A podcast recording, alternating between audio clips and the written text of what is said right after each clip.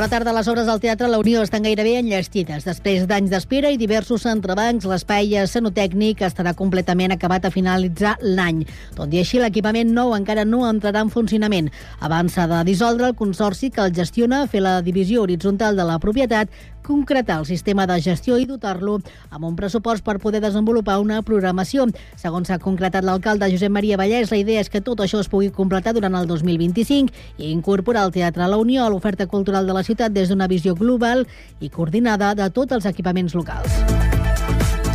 A més, notícia que Sant Cugat Rubí i Castellbisbal disposaran d'un nou equipament sanitari públic després de 20 anys de reivindicacions. No serà un centre hospitalari públic de referència, sinó un hospital de dia.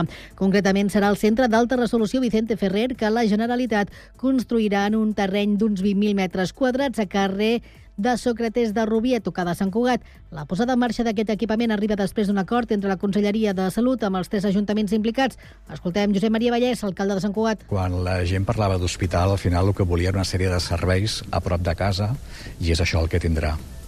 Jo crec que això resol la solució, que te, el, el problema que teníem a Sant Cugat, la gran demanda de Sant Cugat. Més temes. L'Ajuntament de Sant Cugat nega de ple les acusacions de la plataforma animalista de Sant Cugat sobre errors en l'aplicació del protocol de benestar animal durant la rua d'aquest 2024. En un comunicat enviat a Cugat Mèdia, el consistori afirma que no els costa cap incident ni cap mena d'incompliment del protocol. Asseguren que una veterinària especialista en èquids, contractada especialment, i els tècnics van seguir tot el recorregut i que no hi va haver cap relliscada ni cap cavall que patís estrès.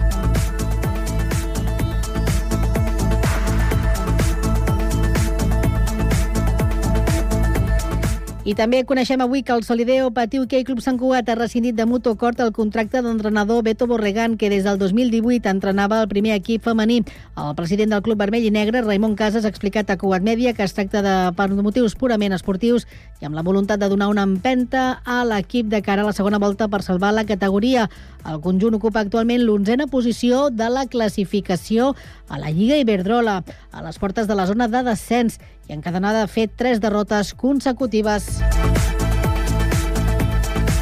Res més per ara. La informació torna d'aquí una hora a la mateixa sintonia i constantment a internet a www.cugat.cat. Recordin, és divendres 26 de gener de 2024.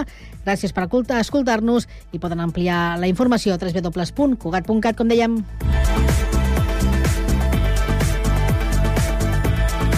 Cugat Mèdia, la informació de referència a Sant Cugat.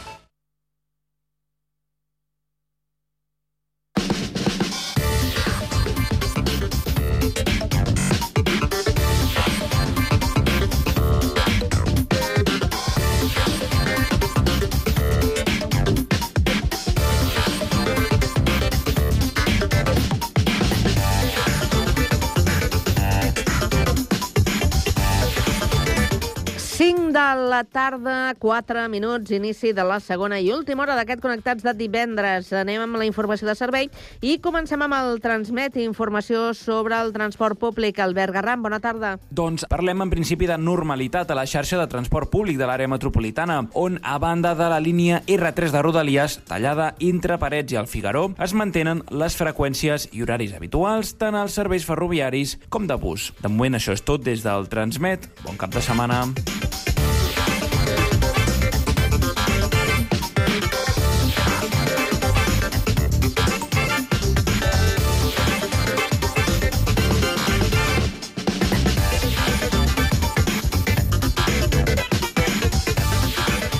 Ja acabarem la informació de servei amb el trànsit. Eduard Sánchez, bona tarda. Hola, bona tarda. Doncs, eh, de moment, pel que fa a l'autopista P7, eh, tarda més complicada, sobretot en dos punts. Un aquí més a prop, entre Sant Cugat i Barberà, queden uns eh, 8-9 quilòmetres de lentitud amb retencions en tot aquest tram en sentit nord, en sentit Girona. El motiu, una topada d'un accident que hi ha hagut durant una estona, ha deixat dos carrers tallats, d'això ja fa una estona, que s'han obert tots, però però en tot cas no millora la circulació i es manté aquest tram llarg de lentitud aturada de Sant Cugat-Barberà en sentit nord. És la principal complicació ara mateix perquè, en general, a la resta de punts de la xarxa viària no hi ha massa dificultats. El que sí dèiem, que la, en aquesta autopista T7, l'altre punt, recordem, ho situem per aquestes eh, protestes o manifestació dels agricultors francesos tallant el trànsit a la Junquera a la frontera des de mig matí i aquesta situació que es manté. De moment el trànsit es desvia per la sortida 3 la sortida de Figueres Nord, obligatòriament per tots els vehicles, i aquí en aquest punt de desviament hi ha encara entre 5 i 6 quilòmetres de cua. De fet, es recomana eh, intentar sortir abans d'aquesta sortida perquè, de moment, es manté la situació encara complicada en aquest eh, punt de l'autopista A7. És tot. Bona tarda. Gràcies i bona tarda.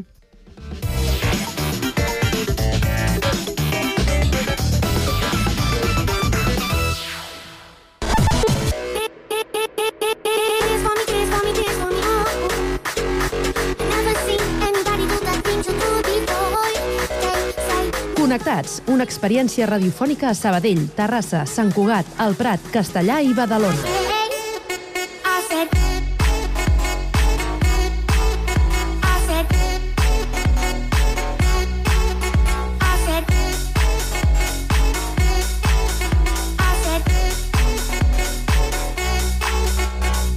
Connectats amb Carme Reverte.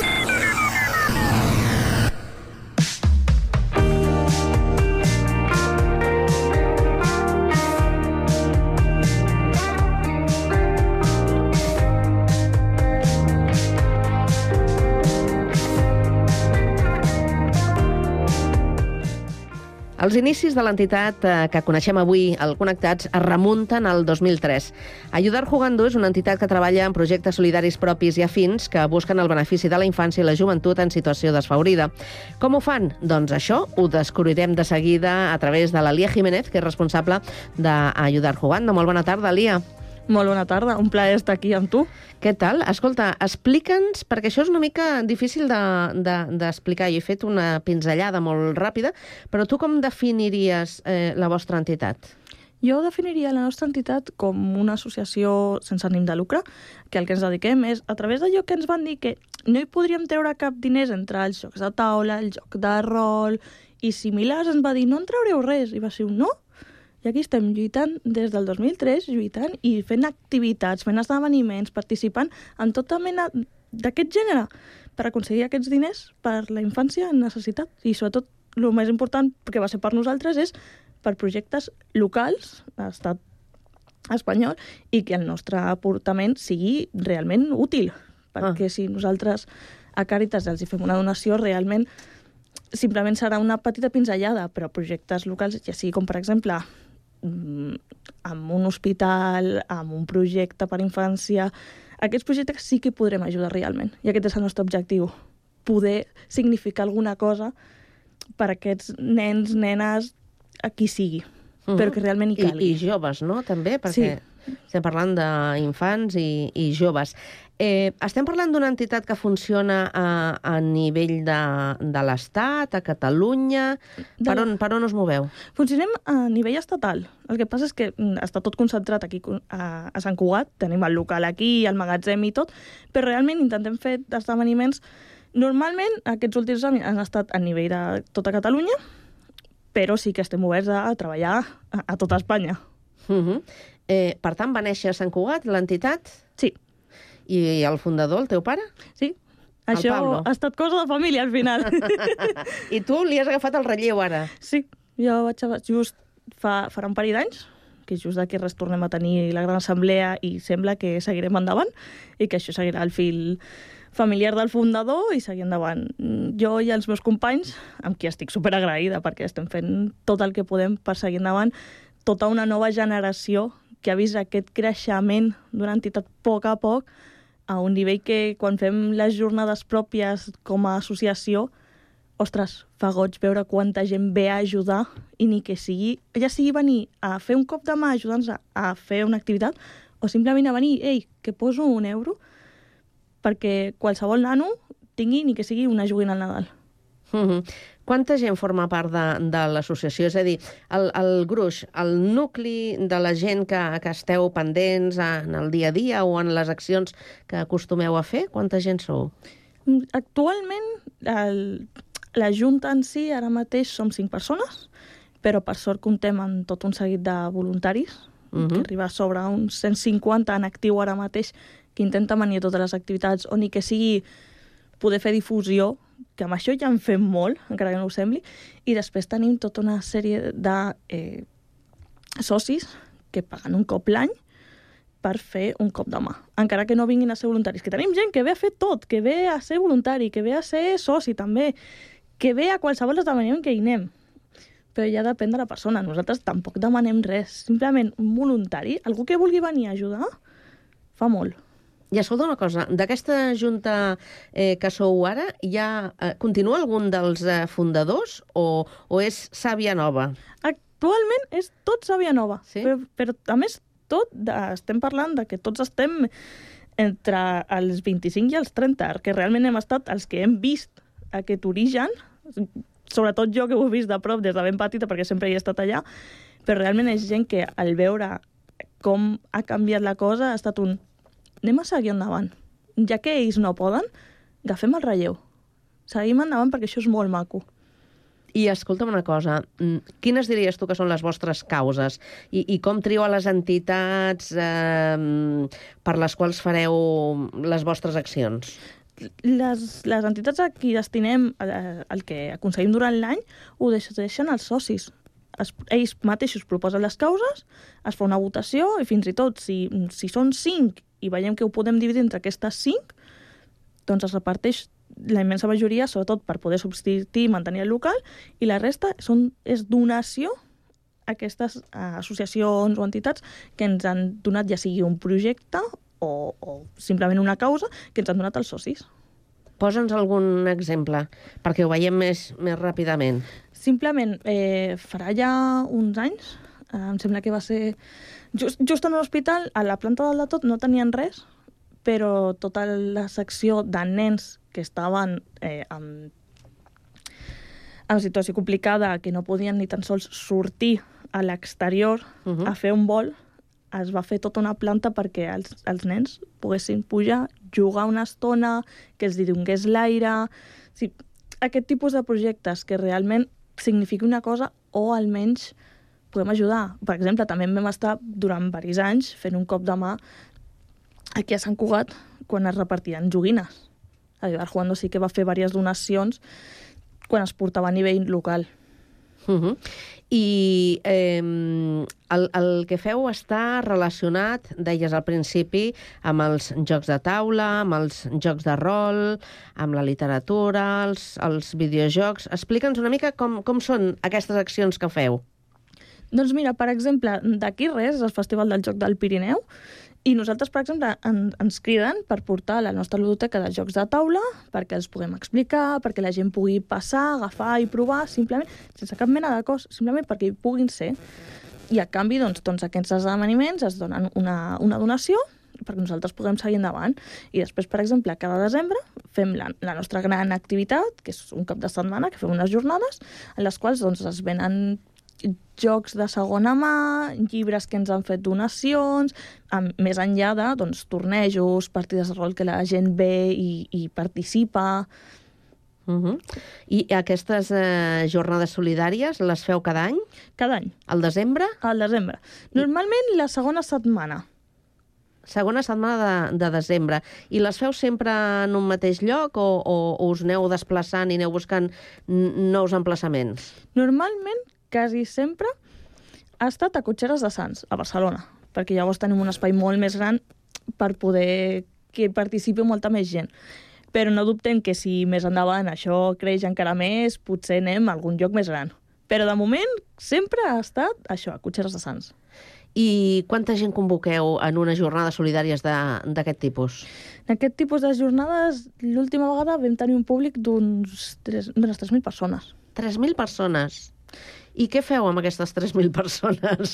Doncs es reparteixen entre aquestes activitats. Van passant durant tot el dia, però a més, simplement entre que hi ha un bar, que poden provar jocs de taula, que a més tenim les partides de rol, que és un altre edifici, que això ja també ajuda a repartir la gent, però clar, simplement, simplement estan tot el matí jugant una partida tranquil·lament en una altra banda, ja hi ha molta més gent que ha passat, que ha passat per la botiga, que ha estat en un torneig, el qual tothom acaba tenint alguna cosa que fer i sempre donem la benvinguda a tothom que vulgui provar. Uh -huh. I es va mantenint la fidelitat d'aquest públic eh, any rere any en aquestes, en aquestes jornades? Com, com ha anat evolucionant amb el temps? La veritat és que sí, jo em trobo molta gent que any rere any els, veure'ls i, ostres, fer goig veure aquesta gent que dius "És que t'he vist cada any venir, t'he vist cada any venir a simplement aquest moment de que només et veig un cop l'any, però tu i jo ens veiem i ja sabem a què has vingut. Has vingut aquí a fer un cop de mà o a jugar o el que sigui. I després el que estem trobant també és moltes famílies. Moltes famílies que encara que no siguin any rere any, però gent del públic familiar que ve i està amb els nens, aprofita i doncs o fan una activitat a l'exterior que els nens van contentíssims mentre els pares juguen una partida, però és molt, és molt en família i acaba venint de... Va, doncs, intentem venir, si venen el dissabte, moltes vegades ens els acabem trobant el diumenge també, perquè s'ho han passat tan bé que és allò de, va, anem a fer el cap de setmana tranquil·lament aquí. Uh -huh. Després hi ha una altra qüestió que, que, que hi ha una sèrie d'establiments que anomeneu, anomeneu establiments solidaris. Què vol dir això? Mm, Que, que, quina és la contribució que fan o què significa? Aquestes tendes, a part de tenir eh, la nostra informació, tenen una petita bústia per, per l'associació, en la qual si la gent fa donacions, això al, al final de l'any ens ho envien amb aquestes donacions perquè vagin directament a l'associació. I també, per exemple, doncs, si fan alguna activitat específicament per nosaltres, o si fan, per exemple, es van arribar a fer eh, uns bufs solidaris que es van repartir entre les tendes que van voler anar a vendre'ls. Però són sobretot un punt també per si calgués que la gent pugui anar i fer donacions de material perquè pugui arribar a nosaltres. Uh -huh. I quants establiments teniu? Ara mateix anem sobre uns 30 en actiu. I, i, i si ho poséssim a sobre d'un mapa d'Espanya, de, d'Espanya, per on estarien aquests establiments? Ostres, doncs et sorprendria, perquè estan una mica tot arreu. Ah, sí? Tant a Astúries, a Madrid, aquí a Catalunya hi ha unes quantes també, però estan bastant repartides, sobretot per sort nostra. Sí, sí. A Catalunya crec recordar que hi havia a Sant Cugat, a Terrassa, sí. um, on més? Que, si no que... recordo malament, parla... hi havia un parell a la seu, també, -huh. sí. però ara mateix estan tan repartides que ja de memòria no me recordo totes. La més senzilla a Sant Cugat és el celler de llibres. El celler de llibres. Eh, per cert, eh, tu te'n recordes què és el que eh, provoca la creació d'aquesta entitat? Si anéssim a l'origen, mm, alguna cosa et deu sonar, perquè segurament el teu pare, sent fundador, eh, en algun moment eh, deuria explicar la història de com neix Ayudar Jugando. Doncs mira, jo el que recordo, del poc que recordo, perquè també era bastant petita, Uh -huh. però jo el que recordo és sobretot aquests somriures d'aquest creixement, d'aquest veure que el projecte tira endavant i que la gent s'implica, que és el que a mi avui dia encara em fa somriure, de, ostres, mm, hem aconseguit que, que estigui aquí, que... que... Però què, què, què li va fer al teu pare embolicar-se la... Mon pare, jo ho tinc molt clar, va ser allò de com que no es pot fer un projecte solidari amb aquests àmbits que funcioni i que la gent don faci donatius? I s'ho va prendre com un repte. I aquí seguim. Uh -huh. I escolta'm una cosa, us agafa molt de temps eh, mantenir l'activitat la, la, la, amb, amb, amb aquesta entitat? Tu, tu estàs de responsable ara mateix. T'ocupa molt de temps al cap del, del dia o tu, tu pots combinar bé amb, les, amb la resta de coses que fas? Tot depèn de l'època de l'any. Tenim Sí? moments que no parem. Ara, per exemple, estem començant just, és el moment de les assemblees, de les reunions, s'acaba de definir tot, preparar-ho tot. Però sí que hi ha alguns mesos que, que just abans d'un esdeveniment gran sí que anem molt de bòlit, però després mitjanament, per sort, ens ho podem manegar per anar a poc a poc repartint i, per sort, amb els voluntaris que tenim, la meitat de la feina podem confiar completament en ells. Lia, quin és el, el pròxim projecte que teniu, la pròxima activitat, que és el, amb el que esteu treballant ara mateix? En el que estem treballant ara mateix és per anar-hi al Festival del Joc del Pirineu, a la Seu d'Urgell, que és just el primer cap de setmana d'abril, que hi serem allà amb una, dues de les nostres ludoteques, també estarem amb els, amb els nostres jocs gegants de fusta, que són super divertits, a més, tant per, tant per als més petits com per als més grans. Jo he vist gent gran molt ficada en una partida d'aquestes mentre els nanos estaven esperant per jugar. Ostres, tu, que, que guai. Sí, sí. Doncs eh, aquest és el vostre projecte. Eh, moltíssimes felicitats i moltíssimes gràcies també per venir a explicar-nos eh, el que feu a través d'aquesta entitat, Ayudar Jugando. Si algú eh, volgués col·laborar, posar-se en contacte amb vosaltres, com ho poden fer? Ho poden fer tan simplement doncs, a les nostres xarxes socials, tant Instagram com X, com... o simplement a la nostra web, o si ens vol enviar un mail, el més senzill és simplement a info arroba ayudarjugando.org i ja està. I qualsevol de les maneres que es vulgui posar en contacte amb nosaltres, estem més que oberts a parlar-ne. I moltes gràcies. Doncs Lia, que vagi molt bé. Gràcies i bona tarda.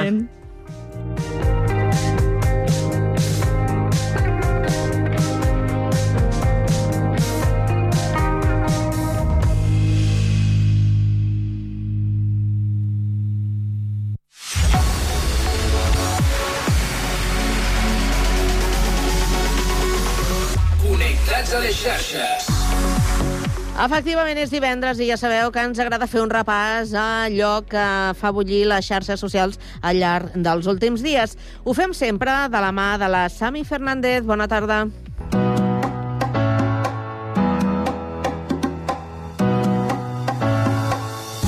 Bona tarda, Carme. Espero que hagueu passat una bona setmana i celebressiu el 20 de gener com us ho vaig dir. Tot i que la setmana passada va ser bastant especial, aquesta ho és encara més perquè hem tornat al passat. No em creieu? Quedeu-vos per descobrir-ho. Aquesta setmana ha confirmat la meva sospita. El 2014 ha tornat. Les proves? En tinc moltes.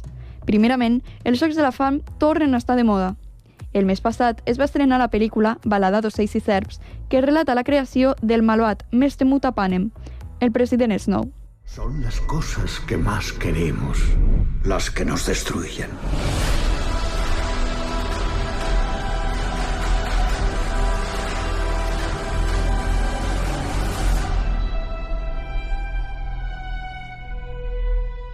No obstant això, el protagonista a les xarxes ha estat el Josh Hutcherson, pit en les anteriors pel·lícules, però un edit que li van fer fa 10 anys, que s'ha convertit en un mem. El vídeo consistia en una recopilació de fotografies de l'actor amb Whistle de Florida de fons. Hey man, I have a video for a class I need to watch. Is it okay if I play it out loud? Yeah, sure. Thanks.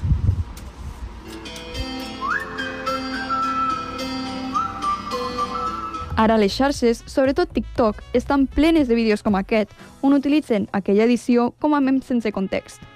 Tot i que el Josh ha assegurat que no està a les xarxes perquè li fan por, en una recent entrevista va explicar que el seu germà li va mostrar el que estava passant. photos are some like edit of like a montage of photos that somebody did in 2014 and they put it to a song Yeah. and now it's like a rickroll basically now it's like you think you're gonna like watch a recipe they open up the pot and it's my face and then the whistle starts and it's just like És un mem que no desapareix. Quan estic mirant vídeos a TikTok amb la guàrdia baixa, de sobre m'apareix la cara de l'actor.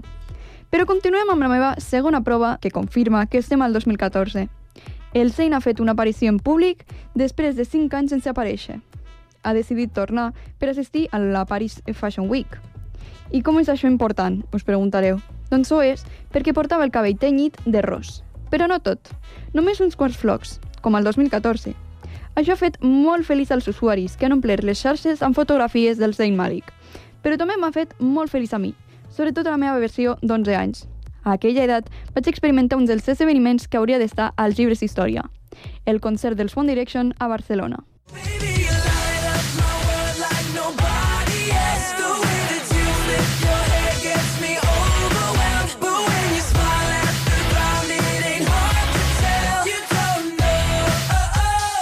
Vaig arrossegar els meus pares i a una amiga meva al concert, vestida amb una samarreta que ficava I Love One Direction, i ma mare, pensant que era una meravellosa idea, em va pintar la cara una seta de Zayn. Però per poc aquesta setmanta li tocaria anar vestida de negre perquè quasi l'atropellen. Al Zayn, no a la Samantha d'11 anys. El Zayn es trobava escoltat pels seus guàrdies per tornar a l'edifici, mentre ell saludava al públic, quan un cotxe li va passar per sobre del peu. El cantant, que va utilitzar Instagram per calmar els seus seguidors, va afirmar que no va ser greu. Va dir que era gràcies a les seves sabates, que estaven molt ben fetes. Una altra persona que ha assistit a la Paris Fashion Week ha sigut la Zendaya, qui casualment és la meva tercera i última raó per confirmar que el 2014 és viu. fa 10 anys va guanyar el premi al millor estil als Teen Choice Awards i des de llavors s'ha assegurat de mantenir aquest títol. La Zendaya no només utilitza la moda per promocionar-se a si mateixa, sinó que també utilitza la moda per promocionar els seus treballs. Aquest març, per exemple, s'estrenarà la segona de Dune i la Zendaya ha presentat un look propi d'una pel·lícula de ciència-ficció. Veo posibles futuros simultáneamente. Y en tantos futuros, nuestros enemigos vencen. Pero veo un camino. Hay un camino angosto.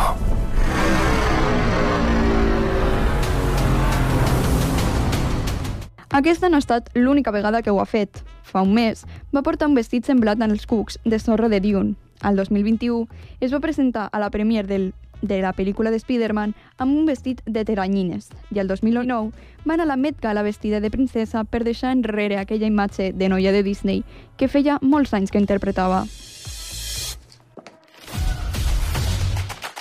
¡Oh, ¡Ni de coña, no! Aparta, zorra. ¡Eh! Nada de palabrotas. ¿Qué pasa? ¡Ay, Dios, es la reina! Ah, Regina George. ¡No la mires a los ojos! Pel que fa a les pel·lícules de moda, ens hem de centrar un moment amb la nova versió de Mingles. Era un repte arriscat per fer una nova versió, no només perquè és una pel·lícula icònica amb frases per recordar, That is so fetch. Gretchen, stop trying to make fetch happen. It's not going to happen. sinó també perquè està molt marcada per les seves protagonistes. La versió del 2004 era protagonitzada per la Lindsay Lohan i la Rachel McAdams. No obstant això, la nova versió recull el musical del mateix nom i, per tant, en aquesta pel·lícula canten. Això ha comportat dos tipus d'espectadors, aquells que van anar al cine a veure-la sense saber que era un musical i seguidament estan aquells que comparen el musical amb la pel·lícula, on molts asseguren que les cançons de la pel·lícula els hi falta emoció. A veure què penseu vosaltres. astounded sweaty at the gym. I'm astounded and nonplussed. I am filled with calculus. Does this guy work out? He must. All sweaty at the gym. Llastimosament, Mingles no ha estat nominada a la millor pel·lícula als Oscars.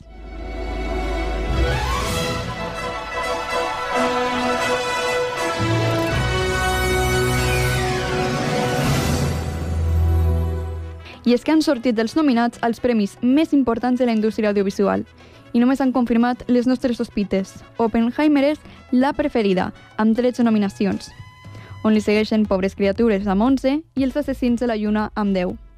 La Societat de la Nieve de l'Espanyol Bayona ha aconseguit estar present en dues categories, a millor pel·lícula internacional i maquillatge i perruqueria. Hola, Barbie. Hola, Barbie. Hola, Barbie. Hola, Barbie. Hola, Barbie. Hola, Barbie. Hola, Ken. Hola, Ken. Qui no ha sortit tan ben parada és Barbie, on només el Ryan Gosling ha estat nominat per millor actor de suport. Ell ha declarat el seu disgust en veure l'ausència de Greta Gerwig i la Margot Robbie en les nominacions. No hi ha Ken sense Barbie, afirma, i no hi ha pel·lícula de Barbie sense la Greta ni la Margot, les dues responsables d'aquesta pel·lícula que ha fet història. No obstant això, podem estar tranquils amb les nominacions del Razzie. Que què són? Els Razzie són el germà dolent dels Oscars. Premien a les pitjors pel·lícules de l'any. La majoria dels nostres preferits han estat nominats i molts d'ells l'han guanyat. Per exemple, el Jared Leto per Mobius, Tom Hanks per l'Elvis i Sia per Music. Sí, la Sia va treure una pel·lícula. Inclosa la Sandra Bullock va rebre un Oscar a la millor actriu i al dia següent va rebre un Razzie a la pitjor actriu per dues pel·lícules diferents. El Razzie es van crear perquè el seu creador va veure una pel·lícula tan dolenta que es va quedar impressionat de la seva capacitat per ser tan dolenta. Té sentit? Ser tan dolent que ets molt bo sent dolent? N'estic segura que molts de vosaltres tenen una pel·lícula dolenta preferida. Doncs ben gràcies a això crearem una nova secció, Els Connectats. Una secció que no estic segura si continuarà. Només és una excusa per poder parlar amb aquells oients dels, del Connectats, aquells que tenen alguna cosa a dir. Aquesta setmana els he preguntat la seva pel·lícula dolenta preferida i la Laura, oient a Sabadell, ens ha contestat. Bon dia, connectats. Jo avui vinc a fer una confessió i és que sí, efectivament m'agraden molt les pel·lícules romàntiques i concretament les dolentes. Però avui vinc a parlar més aviat de eh, una pel·lícula que és tot el contrari, però que continua sent dolentíssima, que és la de Someone Great, que està a Netflix. I a mi m'agrada bàsicament perquè crec que sempre es parla moltíssim de la idealització del començament d'una relació i del moment en el que t'enamores d'algú, però crec que es parla molt poc del procés de ruptura i m'encanta que es parli d'això. I també de, de l'apoi emocional que et donen les persones del teu entorn, com amics o familiars. I a més a més, un plus que li dona aquesta pel·lícula és que surt la Jessie Reyes i és de les meves cantants preferides. Una pel·li que sí que ha estat dolenta ha sigut la gala passada d'Operació Triunfo.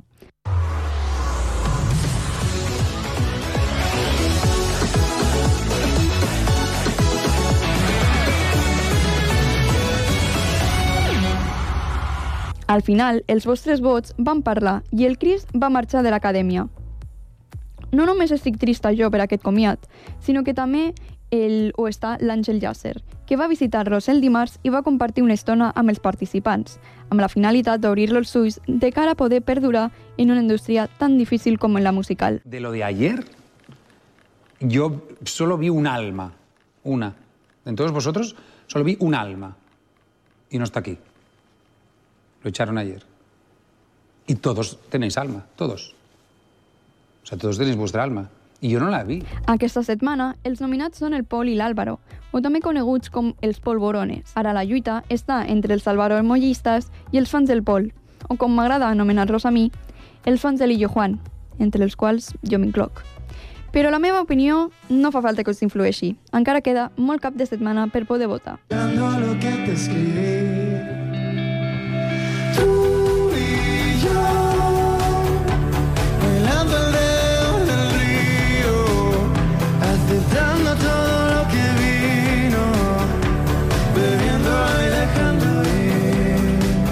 I fins aquí els connectats a les xarxes d'aquesta setmana.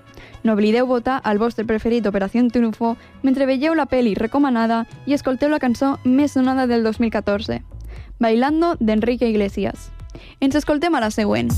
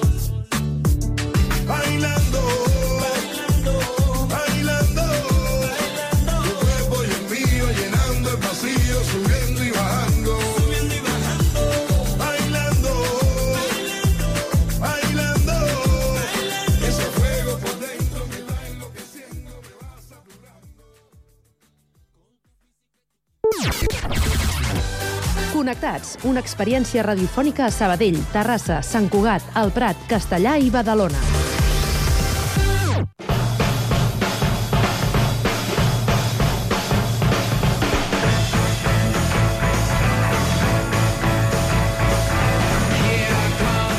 Bé, doncs avui és el moment de repassar les novetats que hi ha a la cartellera. Parlem d'estrenes del cap de setmana i, com sempre, qui ens les porta? Doncs el periodista i cinèfil Jordi Guillem i el nostre company Sergi Estapé. Bona tarda, doncs, efectivament, comença la secció de cinema del Connectats, com sempre, amb el periodista de Diari de Terrassa i el nostre cinèfil particular, Jordi Guillem, què tal? Què tal? Bona tarda, com estem? Som-hi.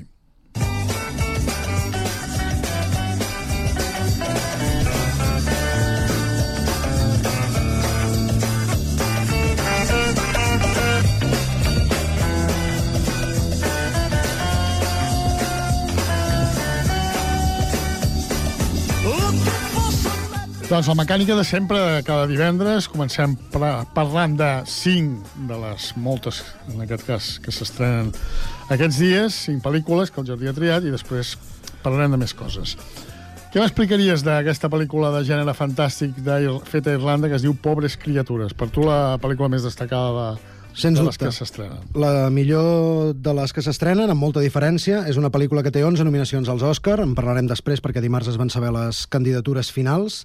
Uh, Pobres criatures és el darrer treball del cineasta grec Georgios Lantimos, un senyor que va desconcertar mig món a diversos festivals ja fa una dècada i mitja, que va dirigir després eh, Langosta i pel·lícules així ben estranyes. Últimament eh, gaudeix de pressupost i d'actors per poder rodar les seves pel·lícules. En aquest cas eh, té Emma Stone, que és la protagonista absoluta i serà, ja us ho avanço, la guanyadora de l'Oscar el dia 10 de març. Um, és de les categories més clares. Tècnic, guarda aquesta, aquest Sí, tall, que sí, el sí. traurem si no guanya. Si no, pagarem un, un sopar no pagaràs cosa. res perquè no pagues mai les teves apostes. Doncs surt Emma Stone, Mark Ruffalo, Willem Dafoe, Rami Rufalo? Youssef... Hi ha molta gent que diu Rúfalo. Rúfalo, com vulguis, si et fa gràcia, Rúfalo o No, és igual.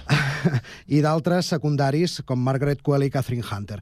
És una pel·lícula, com bé deies, fantàstica, romàntica també, de ciència-ficció, també té coses de realisme màgic, eh, que és una cosa que es feia servir molt a la literatura sud-americana de finals del segle passat, també al cinema, i, i també és una mica una comèdia. És la història d'una jove, el personatge que interpreta eh, Emma Stone, eh, que es diu Bella Baxter, que és eh, reviscuda eh, gràcies a la tasca d'un poc ortodox científic, el senyor Baxter, i bé, ell la protegeix. És William Dafoe, el És? Willem Dafoe, el, sí, Mhm. és una espècie de Frankenstein, una mica la pel·li, no m'agrada etiquetar-la d'aquesta manera, però, mm, en fi, ella és, és una, una noia guapíssima que s'escapa doncs, de, de les, dels invents que fa aquest científic i a partir d'aquí viatja per tots els continents eh, eh, i fa... Liant és- la troca. La lia, sí, però és d'aquelles pel·lis que si expliques de què van no s'entén massa. És només dir que, per exemple, Film Affinity, una de les nostres plataformes habituals, té un 8,1, que és una cosa només Déu-n'hi-do. reservada a I això que no pel·lícules... s'ha estrenat encara. I això que no s'ha estrenat, però s'ha pogut veure a diversos festivals, entre ells Sant Sebastià i Sitges. Molt bé, doncs escoltem una mica pobres de, algo, una mica de pobres criatures. Poor Things.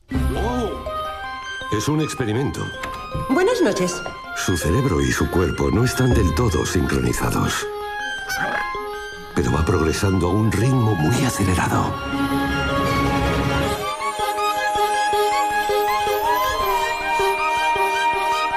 Dígame, ¿de dónde ha salido? Doncs aquest Pobres Criatures, aquesta pel·lícula feta a Irlanda, ens dona pas a un drama, però en aquest cas fet a França. Rodeo, què em dius de Rodeo? Rodeo, una No hi ha- pel·lícula... no hi ha vaques ni no, hi ha no hi ha vaques, tampoc hi ha la clàssica comèdia francesa que habitualment portem a l'antena. En aquest cas és eh, la història d'una jove inadaptada que es diu Júlia, que bé, és, eh, viu el, passa pels carrers allò trepitxeando, que es diu, i però té una, una passió mm, extraordinària, que és el motociclisme. Llavors s'ajunta amb un grup de nois eh, moteros, diguéssim, que fan motocross sobre asfalt, amb el perill que això suposa, a més a més perquè no porten casc i fan figures eh, acrobàtiques, fins que un dia passa una cosa, un accident de fet, i a partir d'aquí doncs, aquest accident posa en risc la, la posició de la Júlia, de- d'aquesta noia del títol, a, a dins del, de, la, de la pandilla que, en la que està. És una pel·lícula de la cineasta francesa Lola Quiboron, no massa coneguda, amb actors tampoc molt coneguts. La protagonista és Julia Ledru, que fa un paper eh, força interessant. Eh, pel·lícula 110 minuts, correcte, no ens passem de metratge aquí. Eh, la pel·li es va veure al Festival de Canes, també va passar per Sevilla, on eh, Julia Ledru va guanyar el guardó millor actriu. Molt bé, doncs aquest rodeo, aquest drama fet a França, ens dona pas a... Ens anem a Gran Bretanya, no està gaire lluny, un drama on surt un dels bons, James Bonds, eh, Pierce Brosnan, que es diu El último soldado. Què em pots dir d'això? Sí, és una pel·lícula basada en fets reals, eh, interpretada, com bé deies, pel, pel senyor Pierce Brosnan. També hi apareixen actors eh, reconeguts, com l'alemany Jürgen Prochnow o el nord-americà Louis Gossett Jr. És una història d'un veterà de la Segona Guerra Mundial que es va escapar de casa de la llar de- d'avis, eh, on estava internat Irlanda del Nord, com dèiem, és una història real, i va decidir que el 75è aniversari del desembarcament de Normandia, el dia D, doncs ell hi havia d'estar present, doncs allò, ni cort ni peresós, eh, doncs agafa un ferri, se'n va cap a Gran Bretanya, eh, perdó, cap a França, creua l'estret, i, i doncs allà doncs, vol estar en aquesta cerimònia per reviure d'alguna manera els fantasmes del seu passat. És una pel·lícula eh, basada en fets reals, com dèiem, de Last Rifleman, i que és de les que millor pinta té d'aquesta setmana, una pel·li entretinguda. Doncs escoltem una mica d'aquest El último soldado, on surt Pierce Brosnan. Es tu historia. Bueno, sí, yo también luché con los irlandeses unidos. Todos escribimos cartas de despedida antes de ir a Francia por si nos mataban. Yo estaba aterrorizado.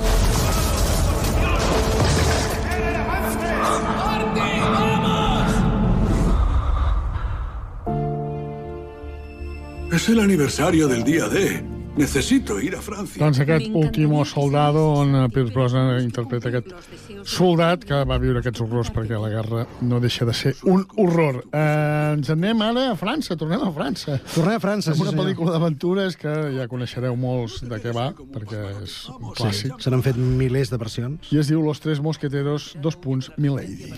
Sí, senyor. Doncs aquesta pel·li eh, dura 115 minuts, la dirigeix Martin Bourboulon, un cineasta francès, protagonitza, és a dir, fa de Milady, la nord-americana Eva Green, i també hi tenim un interessant repartiment d'actors francesos encapçalats per Vincent Cassel, Louis Garrel i Roman Duris en els papers més o menys protagonistes. La història de sempre, eh, Louvre, eh, el Palau de Buckingham, passant pel subsol de París, eh, la sedi de la Rochelle, eh, aquell regne dividit en guerres religioses, l'amenaça constant de la invasió britànica, tot el, el món dels Tres Mosqueters, de la novel·la d'Alexandre Dumas, que aquí una vegada més s'adapta al cinema, centrant-se en el personatge de Milady, un personatge femení que interpreta Eva Green i que dona força, força que parlar. És una pel·li que els que l'han vist diuen que és molt entretinguda, sobretot si us agraden, no sé si és el teu cas, les pel·lícules de- d'aventures. Bueno, doncs sí, aquesta... poden sí. veure, sí, no? Eh, els Premis Cèsar d'aquest any va tenir força acceptació, amb sis nominacions, i a mi és una mica la continuació de D'Artagnan, i fer, sí, to, Sí, tots aquests, coneixem sí, aquests, sí, exacte, els Tres són- Mosqueters, però doncs, sempre està bé pel·lícules que se revisitar. n'han fet moltes, com Sí. Tarzan, per exemple, que Exacte, parlàvem sí, la sí. setmana vine- eh, passada, vull dir que, bueno, sempre poden tenir el seu el seu tros interessant. Acabarem amb aquest repàs de les cinc més destacades que ens portes amb un thriller fet als Estats Units, Mm. que veient el tràiler sembla molt interessant, que es diu Miller's Gal. Ho és, ho és. És un thriller eh, dirigit per eh, Jade Hailey Bartlett, un cineasta poc conegut, protagonitzat per Jenna Ortega i Martin Freeman, que és un actor que, el, si sou seguidors de les sèries, eh, doncs el, el coneixereu, perquè ha participat a vàries, entre elles Sherlock. És una història eh, així una mica curiosa, perquè és eh, un, un jove de 18 anys que té un gran talent per l'escriptura, està ambientada a Egipte, al Caire, al Caire i, i es deixa seduir, diguéssim, per, eh, pel seu... Una jove, has dit. Un... Una, un jove, una No, jove, una perdona, jove, és una una jove, sí, sí. Cairo, de fet, és el nom, eh? no és que passi el Cairo aquí. Uh uh, és, és el típic cas d'enamorament o... Això, relació professor Relació alumne. professor-alumne, exacte. I és, eh, la pel·lícula explica molt bé, en, a través d'un thriller psicològic, com el professor, el senyor Miller, doncs, va calant en, en aquesta noia, li va donant tasques eh, a fer, és a dir, que si era una redacció, era una història, no sé què, una, estava ambientada en el tema literari, i doncs això aborda doncs, els, els límits entre les relacions professionals i personals, que aquí es traspassen clarament, i doncs això, és, és tot un, un thriller així amb la literatura i les relacions doncs, a, com a mar de fons, una pel·lícula interessant del millor d'aquesta setmana. Doncs escoltem eh, res, una miqueta d'aquest Miller's Gal, aviam que, quina idea us podeu fer. Cairo Suite. Yo soy el profesor Miller. Imagino que te dieron una lista como esta. Ya los leí todos. Pero hay 12 libros en la lista. Me va la marcha.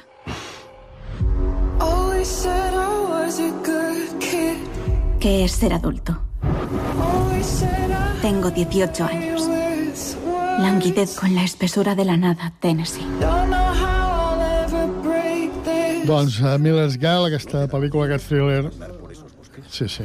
Uh, Miller's Gal, aquest uh, thriller dels Estats Units, ens dona pas a la resta de pel·lícules que s'estrenen. N'hi ha una que es va estrenar ahir, que és una pel·lícula d'acció feta a la Índia, que es diu Fighter, i la resta serien eh, s'estrenen avui Un mal dia lo tiene cualquiera, una comèdia espanyola, Faro, un thriller també fet a Espanya, amb Hugo Silva, El fantasma de Canterville, una pel·lícula d'animació de Gran Bretanya, Vive Dentro, dels Estats Units, com no podia ser altre, amb aquest títol és de terror, Patrick, una pel·lícula d'animació feta al Canadà, que no hi haig d'anar, Sauna, que és un documental fet... És maco, el Canadà, és maco, Sí, eh? Estònia, eh, Presa de su objetivo, que és una pel·lícula de Costa Rica, un thriller, eh, Lethal Richard, I Am Everything, que és un documental d'aquest eh, famós cantant, Nina i el secreto de l'erizo, animació i feta a França, i un documental fet aquí que es diu Canigo. I, com sempre, la disjuntiva... Ara, ara arriba el moment. Ara, Tu vols ara. parlar dels Oscars, que ja Home, es els dimarts. que Tothom vol saber que, quines pel·lis la estan gent nominades. Que, però és que és, eh, bueno, és igual. Ah, és- anaves a dir, la gent normal no... És, no, és una Ah. discussió eterna que tenim que no, que no ens posarem mai d'acord. Clar, nosaltres tenim una secció d'una vegada a la setmana sí. i clar, el que va passar dimarts doncs ja, ja ha passat. Bé. Home, fa tres dies. Sí, fa tres dies. Va, doncs, com que ningú sap, eh, ningú del món, som els primers, es, exclusiva, primícia informativa. Qui està nominat ràpidament? Tampoc Ràpidament, mira. Tampoc ens hi estem tres anys. 96a edició dels Premis Òscar s'entregaran el 10 de març, la matinada de diumenge a dilluns, al uh, Kodak Theater. Ho veuràs en directe? Uh, no ho sé. El costumes a vegades, sí. Sí, no? però un trosset sí, però el que ja no sé si em quedaré fins Com a les la 7. Super Bowl, no? Que és una mica sí, xapes. exacte. Mira, les pel·lícules més nominades, no hi ha hagut massa sorpreses, s'ha de dir, et dic les uh, 5 que tenen més de 5 nominacions. Va, vinga. Uh, les he vist totes, menys la que s'estrena aquesta setmana, la de Pobres Criatures, que obríem el programa amb ella. Oppenheimer, 13 nominacions, gran favorita. Pobres Criatures, la pel·lícula de l'Antimos amb 11. Los Asesinos de la Luna, Martin Scorsese amb 10. Barbie, ens queda una mica lluny, es va estar a l'estiu, amb 8.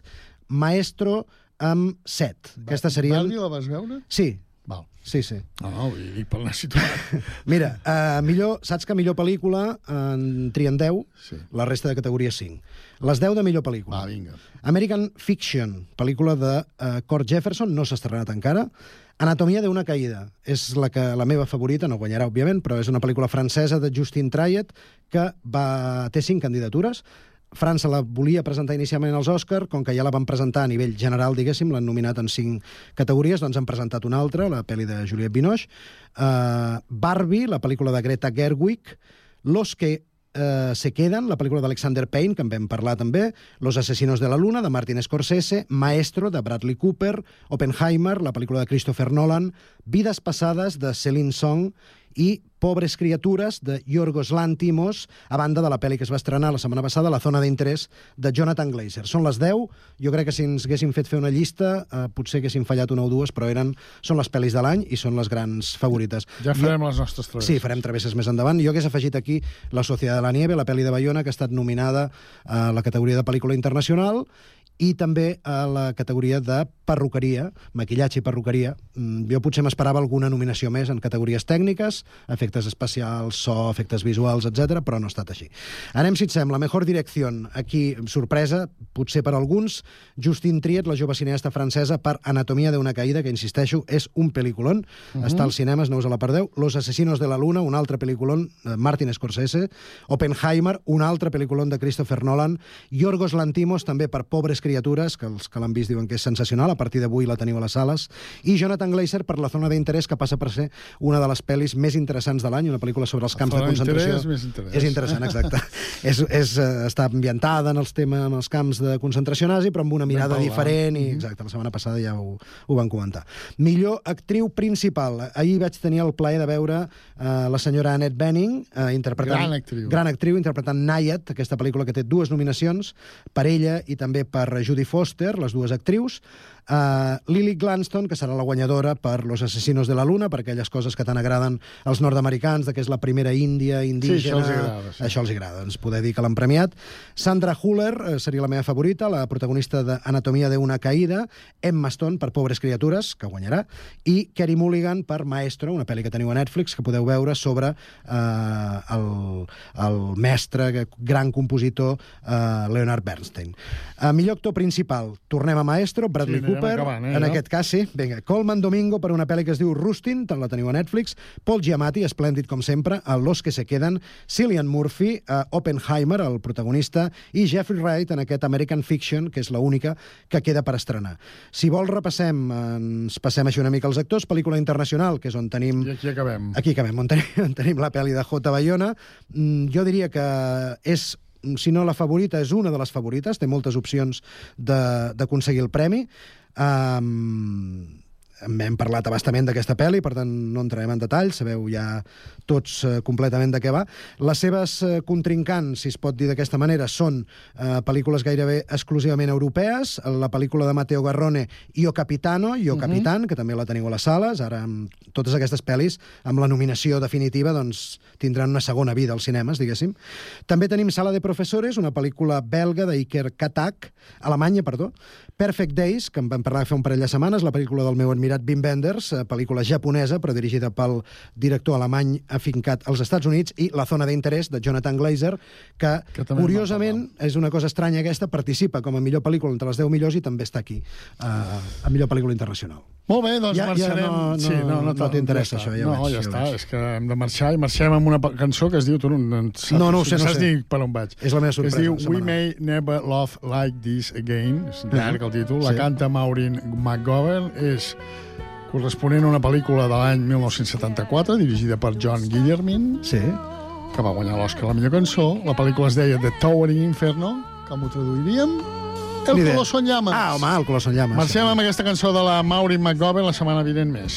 Vinga, que vagi bé, bon cinema, Va sigueu guanyar feliços. l'Oscar fa 50 anys. eh? Sí, sí, ojo. We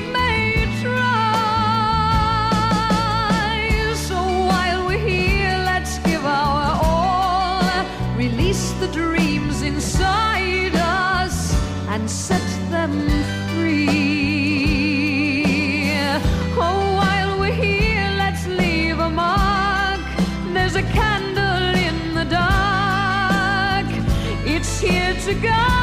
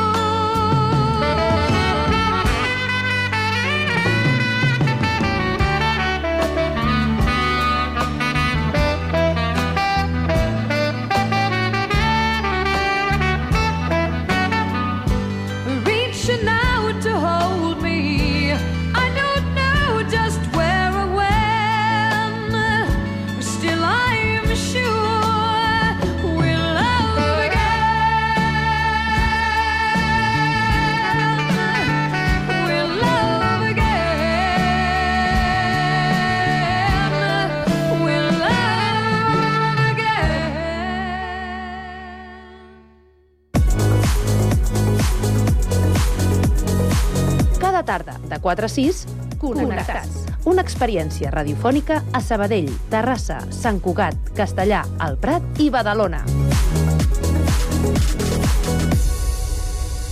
It's Friday then, it's Saturday, Sunday...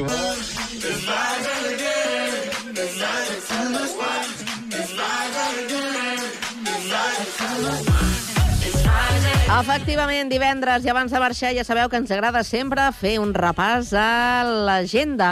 Unes recomanacions que arriben de les diferents emissores del Connectats i comencem per Terrassa. Sergi Estapé, bona tarda. Bona tarda Terrassa. Avui, a les 8 del vespre, concert del cor de Montserrat a la sala Cardellac dels Amics de les Arts i Joventuts Musicals. Demà dissabte, a les 11 del matí, trobada musical de l'Ateneu Terrassenc amb la direcció artística d'Ingrid Cosidó. I a les 10 de la nit, i a la Nova Jascava, concert a càrrec de Dani Nelo i l'Òrgan Trio. Gràcies, Sergi. I ara, des de Sabadell, quines són les propostes? Pau Duran. La capitalitat de la cultura catalana, que desplegarà més d'un miler d'actes a Sabadell, donarà el tret de sortida aquest dissabte amb un concert de la pianista sabadellenca Laura Andrés. Serà a dos quarts de nou del vespre al Teatre Principal i presentarà el seu darrer treball discogràfic, Venus, un univers d'emocions que gira entorn la feminitat i el desig humà. També hi participarà la violinista Rosel Oscos, afegint-se al conjunt de melodies lluminoses en aquest viatge estètic per paratges desconeguts. Gràcies, Pau. I ara anem a Badalona per saber què destaca en l'agenda d'aquest municipi. Andrea Romera, bona tarda de nou. Bona tarda de nou, Carme. Aquest cap de setmana arrenca la nova temporada als teatres municipals de Badalona i ho fa amb Pòncia, dirigida per Luis Luque i protagonitzada per Lolita Flores. Una obra inspirada en el clàssic de Federico García Lorca, La casa de Bernarda, que ja té les entrades exaurides des de fa setmanes. I d'altra banda, l'entitat Mulassa de Badalona farà sortir al carrer la seva bèstia aquest dissabte, en motiu de la rifa del Porc de Sant Antoni. En concret, la Mulassa començarà la cercavila a dos quarts d'onze del matí a Canyador i es dirigirà en direcció al centre.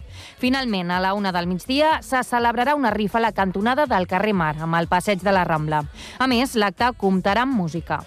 Gràcies, Andrea. I ara és el torn per a les activitats del Prat de Llobregat. Lluís Rodríguez, bona tarda. Bona tarda. La gira del cap de setmana al Prat comença amb un doble concert de No Home for Paranoids en les turqueses a la capsa. Es tracta del punt i final, el projecte que ha permès que aquestes dues bandes treballin amb Dani Vega, guitarrista dels Mishima. D'altra banda, demà dissabte una proposta per la canalla, concert familiar versions per xics, per als quals ja no hi ha entrades, i a la tarda el Teatre Modern es vestirà de gala per celebrar l'any nou xinès. Acabem amb una obra essencial del teatre català, La plaça del Diamant, de Mercè Rodoreda, que aterra al Prat de la mà de la directora Carlota Subirós. Les entrades també estan totalment esgotades. Gràcies, Lluís. Anem ara des de Castellà del Vallès amb el més destacat de l'agenda. Jaume Clapés, bona tarda. Bona tarda. Des de Castellà us convidem a assistir al concert Call Your Friends, el tercer àlbum de The Gramophone All Stars Big Band. Amb més de 16 músics a l'escenari, aquest grup fusiona la música jamaicana dels anys 60 amb diferents estils de música negra, com el soul o el jazz, entre molts d'altres. El concert tindrà lloc a l'Auditori Municipal aquest dissabte 27 de gener a les 8 del vespre i encara queden entrades.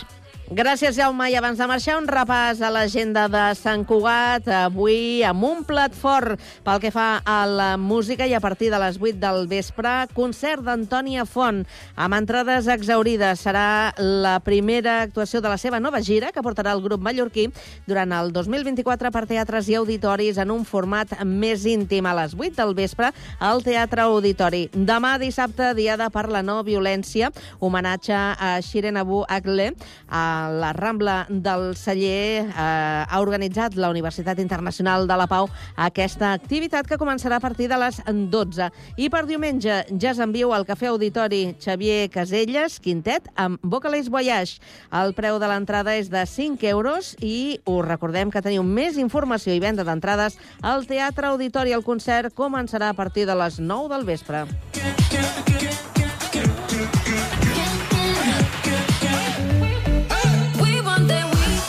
Així acabem eh, una nova setmana, un nou Connectats, i us emplacem, eh, després del descans del cap de setmana, a retrobar-nos dilluns a partir de les 4 i 3 minuts fins a les hores que gaudiu del vostre temps. Adéu-siau.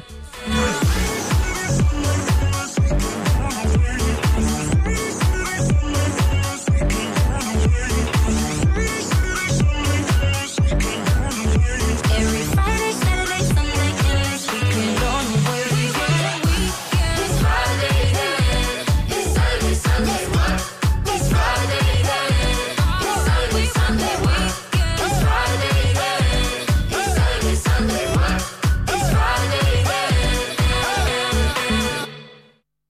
La música més propera a tu He vist com el sol es ponia la tarda darrere del far.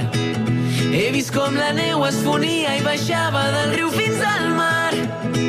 He vist com la lluna ballava pels rius i m'agrada quan tu em somrius i quan et baixes la mascareta em fa sentir viu. Veig quan somrius el sol dels estius i la lluna els diumenges i tot el que em dius són aperitius. Després em menges i tornem a volar. El que hem perdut ho tornem a recuperar. He vist com el sol es ponia la tarda darrere del far. He vist com la neu es fonia i baixava del riu. He vist com la lluna ballava pels rius i m'agrada quan tu em somrius i quan et baixes la mascareta em fa sentir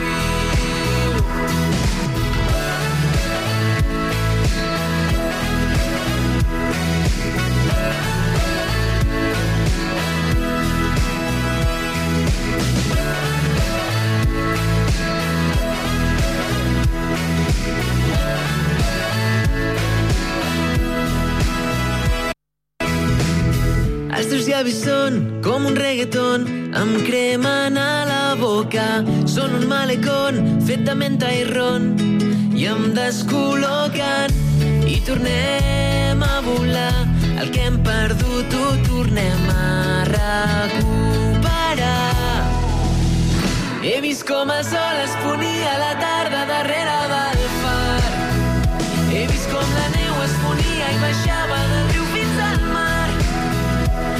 com la lluna ballava pels rius i m'agrada quan tu em somrius i quan et baixes la mascareta em fa sentir